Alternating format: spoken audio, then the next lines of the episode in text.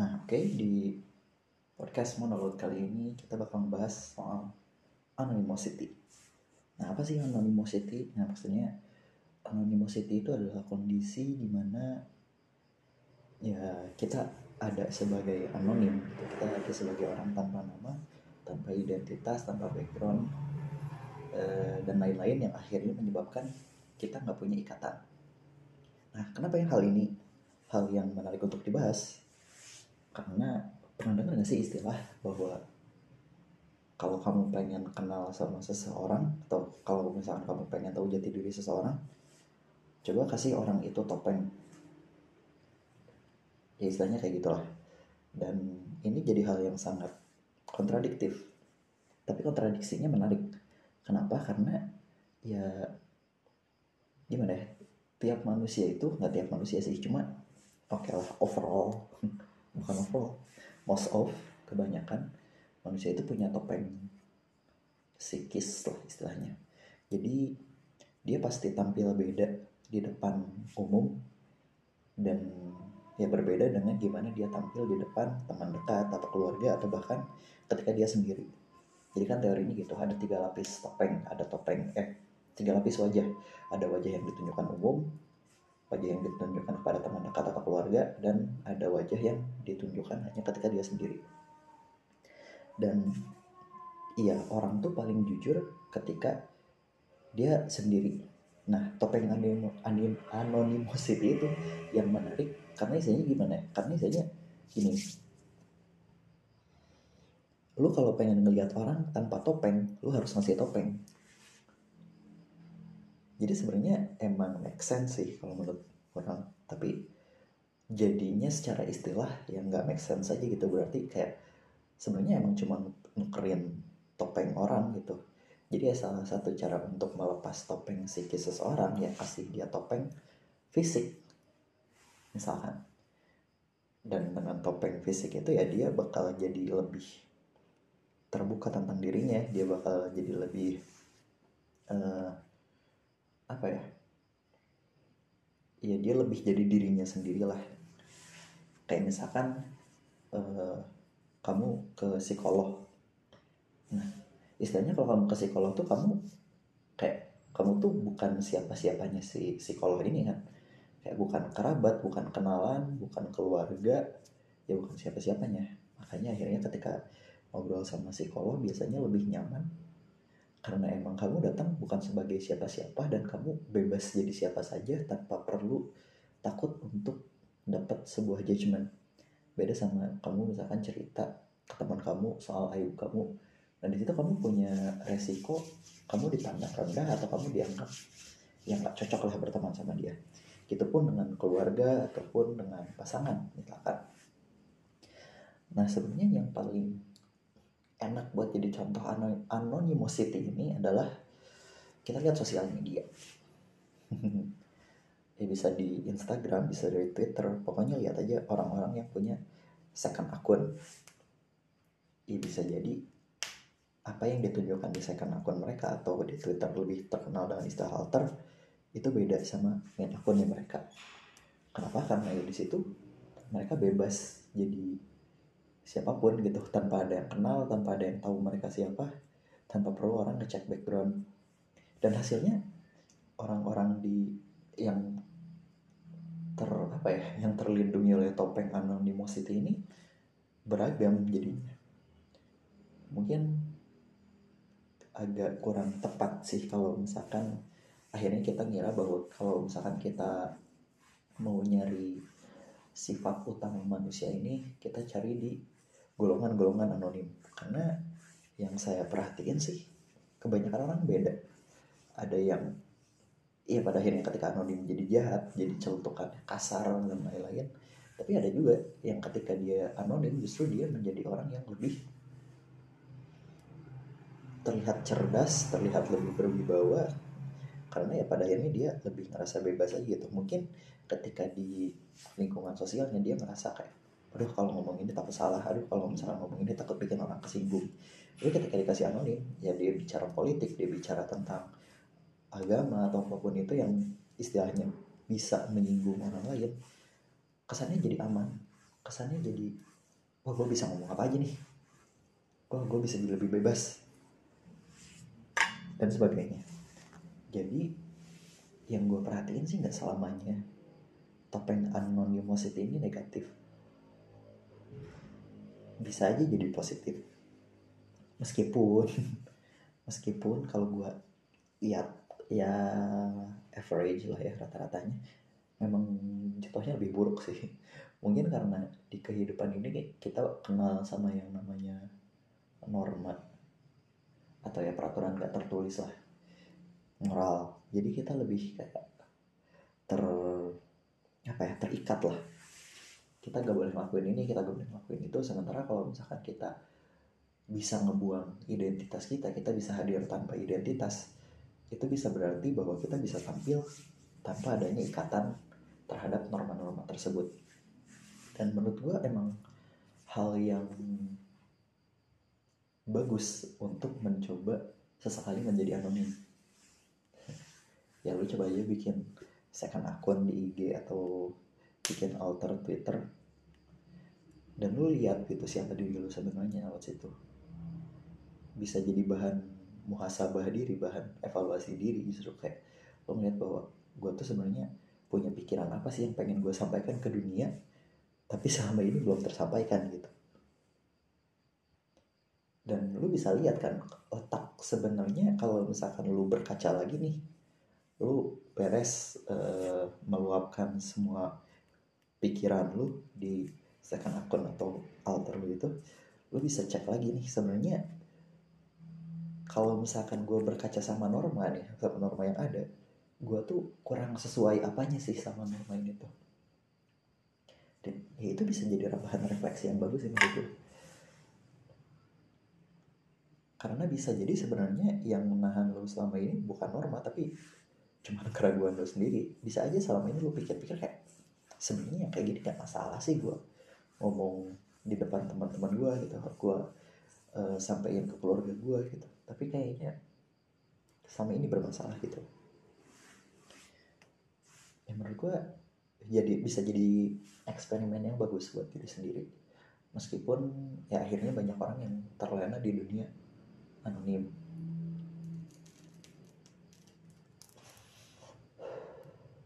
Soalnya di dunia anonim ini ya bukan berarti tanpa perasaan maksudnya lu jadi anonim nyerang orang lain.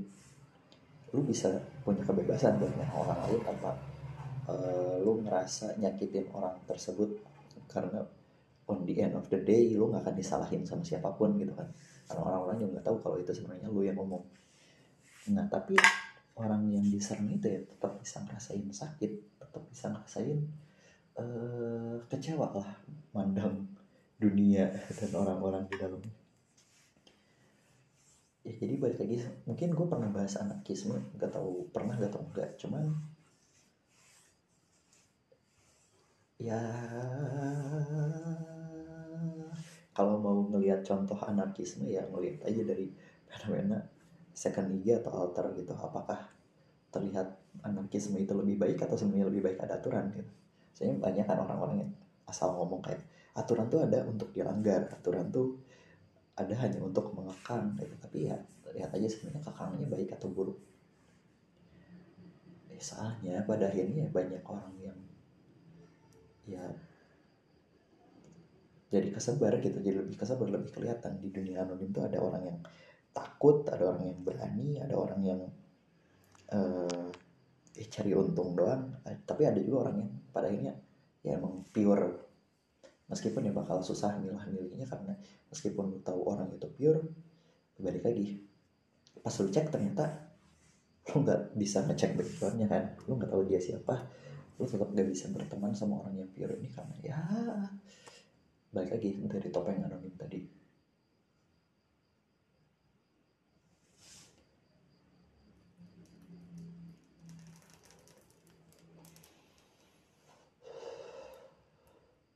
tahu sih tapi gue cuma kepikiran aja kayaknya. Stupidity and purity itu datangnya dari roots yang sama deh dari akar yang sama. Maksudnya nih ketika orang tuh punya keyakinan bahwa everything is going to be okay jadi antara bakal jadi orang yang sangat pure atau orang yang bodoh. Jadi kayak enak banget ya cuman ya istilahnya kayak gitu. Kan apa karena nih kayak misalkan orang sedekah. Sedek misalkan orang jangan sedekah deh orang bantu orang lain. Ketika lu yakin nggak akan kenapa-kenapa gitu ya nggak akan ada masalah yang muncul dari ngebantu orang lu bakal bantu orang lain terus-terusan gitu. Lu bakal ngebantu orang lain dengan tulus pada akhirnya gitu karena lu tahu kalaupun lu nggak dapat feedback lu nggak akan kenapa-kenapa tapi jadinya bisa dianggap bodoh kayak misalkan gini. Kalau lu depan teman-teman lu terus ada tiba-tiba ada pengemis nyamperin bilang pak saya minta uang butuh buat lahiran istri saya.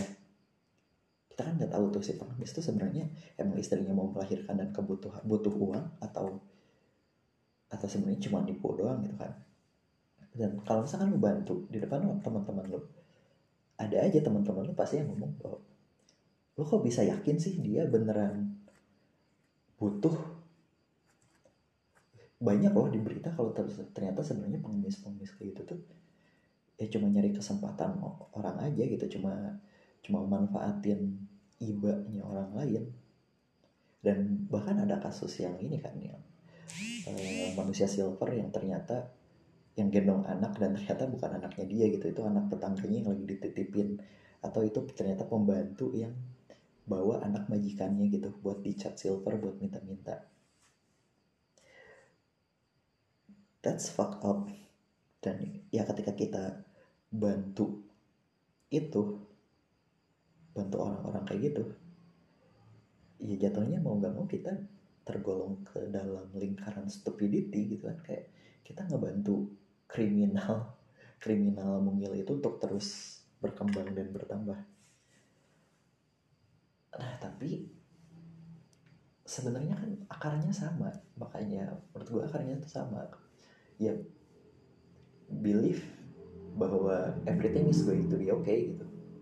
Kayak ya udah kayak lu kalau pure lu ngasih ke orang misalkan ditanya ya menurut ya gitu gimana kalau ternyata gini gini gini gini gini gini. ya kalau lu orang yang pure lu bisa jawab kan bahwa yang penting mah saya ngasih niatnya yang pengen ngasih pada akhirnya orang itu pakai apa ya terserah orang itu sebenarnya kan makanya gue jadi ngeliat lagi bahwa garis antara purity dan stupidity ini blur banget sebenarnya kayak batasnya tuh nggak begitu jelas lah dan lawannya apa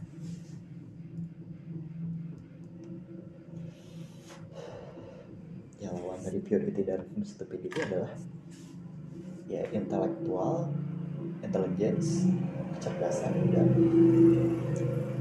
nah, purity apa ya? Opportunism opportunism keoportunisan nah mereka akarnya dari mana sih? Menurut gue akarnya bukan kalau tadi kan akarnya dari ini kan dari belief everything is going to be okay kan?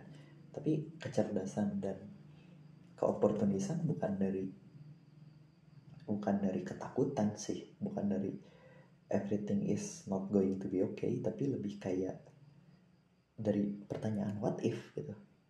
Kayak ya what if ternyata si manusia silver ini manfaatin orang lain buat dapat lebih banyak cuan? What if uh, gue bisa bantu dan ternyata gue bisa dapat feedback dan ini yang dilakuin sama bank kan sebenarnya. Bank ngebantu kita ya bukan karena pure pengen ngasih ataupun pinjol-pinjol tuh ngebantu kita ngasih kita duit ya bukan karena pure pengen ngasih. Ya itu mah mereka oportunis aja sebenarnya. Mereka melihat bahwa dengan ngasih kita uang kita bisa ngasih uang lebih banyak ke mereka. Dan apakah itu salah? Well sebenarnya dari keduanya gitu ya baik yang dari what if ataupun dari belief that everything is going to be okay akarnya sama. Tapi hasilnya keduanya tuh bisa beda gitu loh kayak makanya kan tadi the belief of that everything is going to be okay ya bisa jadi purity bisa jadi stupidity. Tapi di what if juga bisa bercabang dari apa sih tadi tuh? Dari kecerdasan ataupun keopportunisan. Jadi sebenarnya menurut gue akar dari hal tuh kebanyakan sama. Tapi buahnya bisa positif bisa negatif. Dan buah positif yang negatif pun eh, dan buah yang positif maupun buah yang negatif pun sebenarnya positif negatifnya secara sudut pandang tuh bisa beda-beda. Dan ya hal yang menurut gue pure bisa dilihat sebagai orang lain sebagai ya stupidity gitu. Hal yang menurut gue itu oportunis gitu itu cuma gerakan oportunis kayak bank gitu kan gue ngeliatnya itu oportunis yang menurut para ekonomis ya itu adalah tindakan yang cerdas gitu kan. Untuk meminjam uang dan untuk meminjamkan uang dan memastikan kita dapat uang lebih banyak lagi gitu. Jadi menurut gue pada akhirnya gak ada yang nyata men. Balik ke anonimitas sebenarnya gak ada yang nyata. Dan kayaknya itu sebenarnya ya dunia yang sesungguhnya itu ya gitu gitu. Kita cuma bisa ngalamin dunia yang sesungguhnya kalau kita bisa ngelihat bahwa gak ada yang nyata. Bahkan teman-teman kita gitu. Dan kita pun sadar bahwa kita tuh sebenarnya nggak nyata. Maksudnya nggak nyata gimana sih? Ya sebenarnya gak ada yang real gitu. Semuanya tuh sebenarnya ide semuanya tuh dari pikiran. Ya menurut gua orang yang gimana ya? Menurut gue nih orang yang nyontek ya oportunis mungkin eh orang yang nyontek ya oportunis tapi menurut orang lain ya mungkin ada yang cerdas. Atau misalkan menurut gue orang yang gak hmm, orang yang misalkan lagi kelas online gitu terus ditanya sama gurunya apa terus dia langsung searching itu itu orang yang cerdas. Tapi ada aja orang yang nganggap ya dia oportunis gitu dia memanfaatkan kondisi sekarang kuliah atau kelas online tapi dia malah nyonteknya lewat Google. Ya sebenarnya balik lagi lah nggak ada yang real semuanya. Hanya berbentuk ide di dunia ini ya pesan moralnya apa? Ya pesan moralnya adalah ya lakukan apa yang pengen lu lakuin aja pada akhirnya. Soalnya orang juga bisa menilai itu positif atau negatif dan gak akan semua orang pandangannya sama. Dan lu juga nggak bisa nyamain pandangan lu sama semua orang dan lu nggak bisa ngebuat semua orang punya pandangan yang sama apalagi sama lu jadi ya lu lakuin apa yang lu anggap benar aja dah. Intinya gitu. Thank you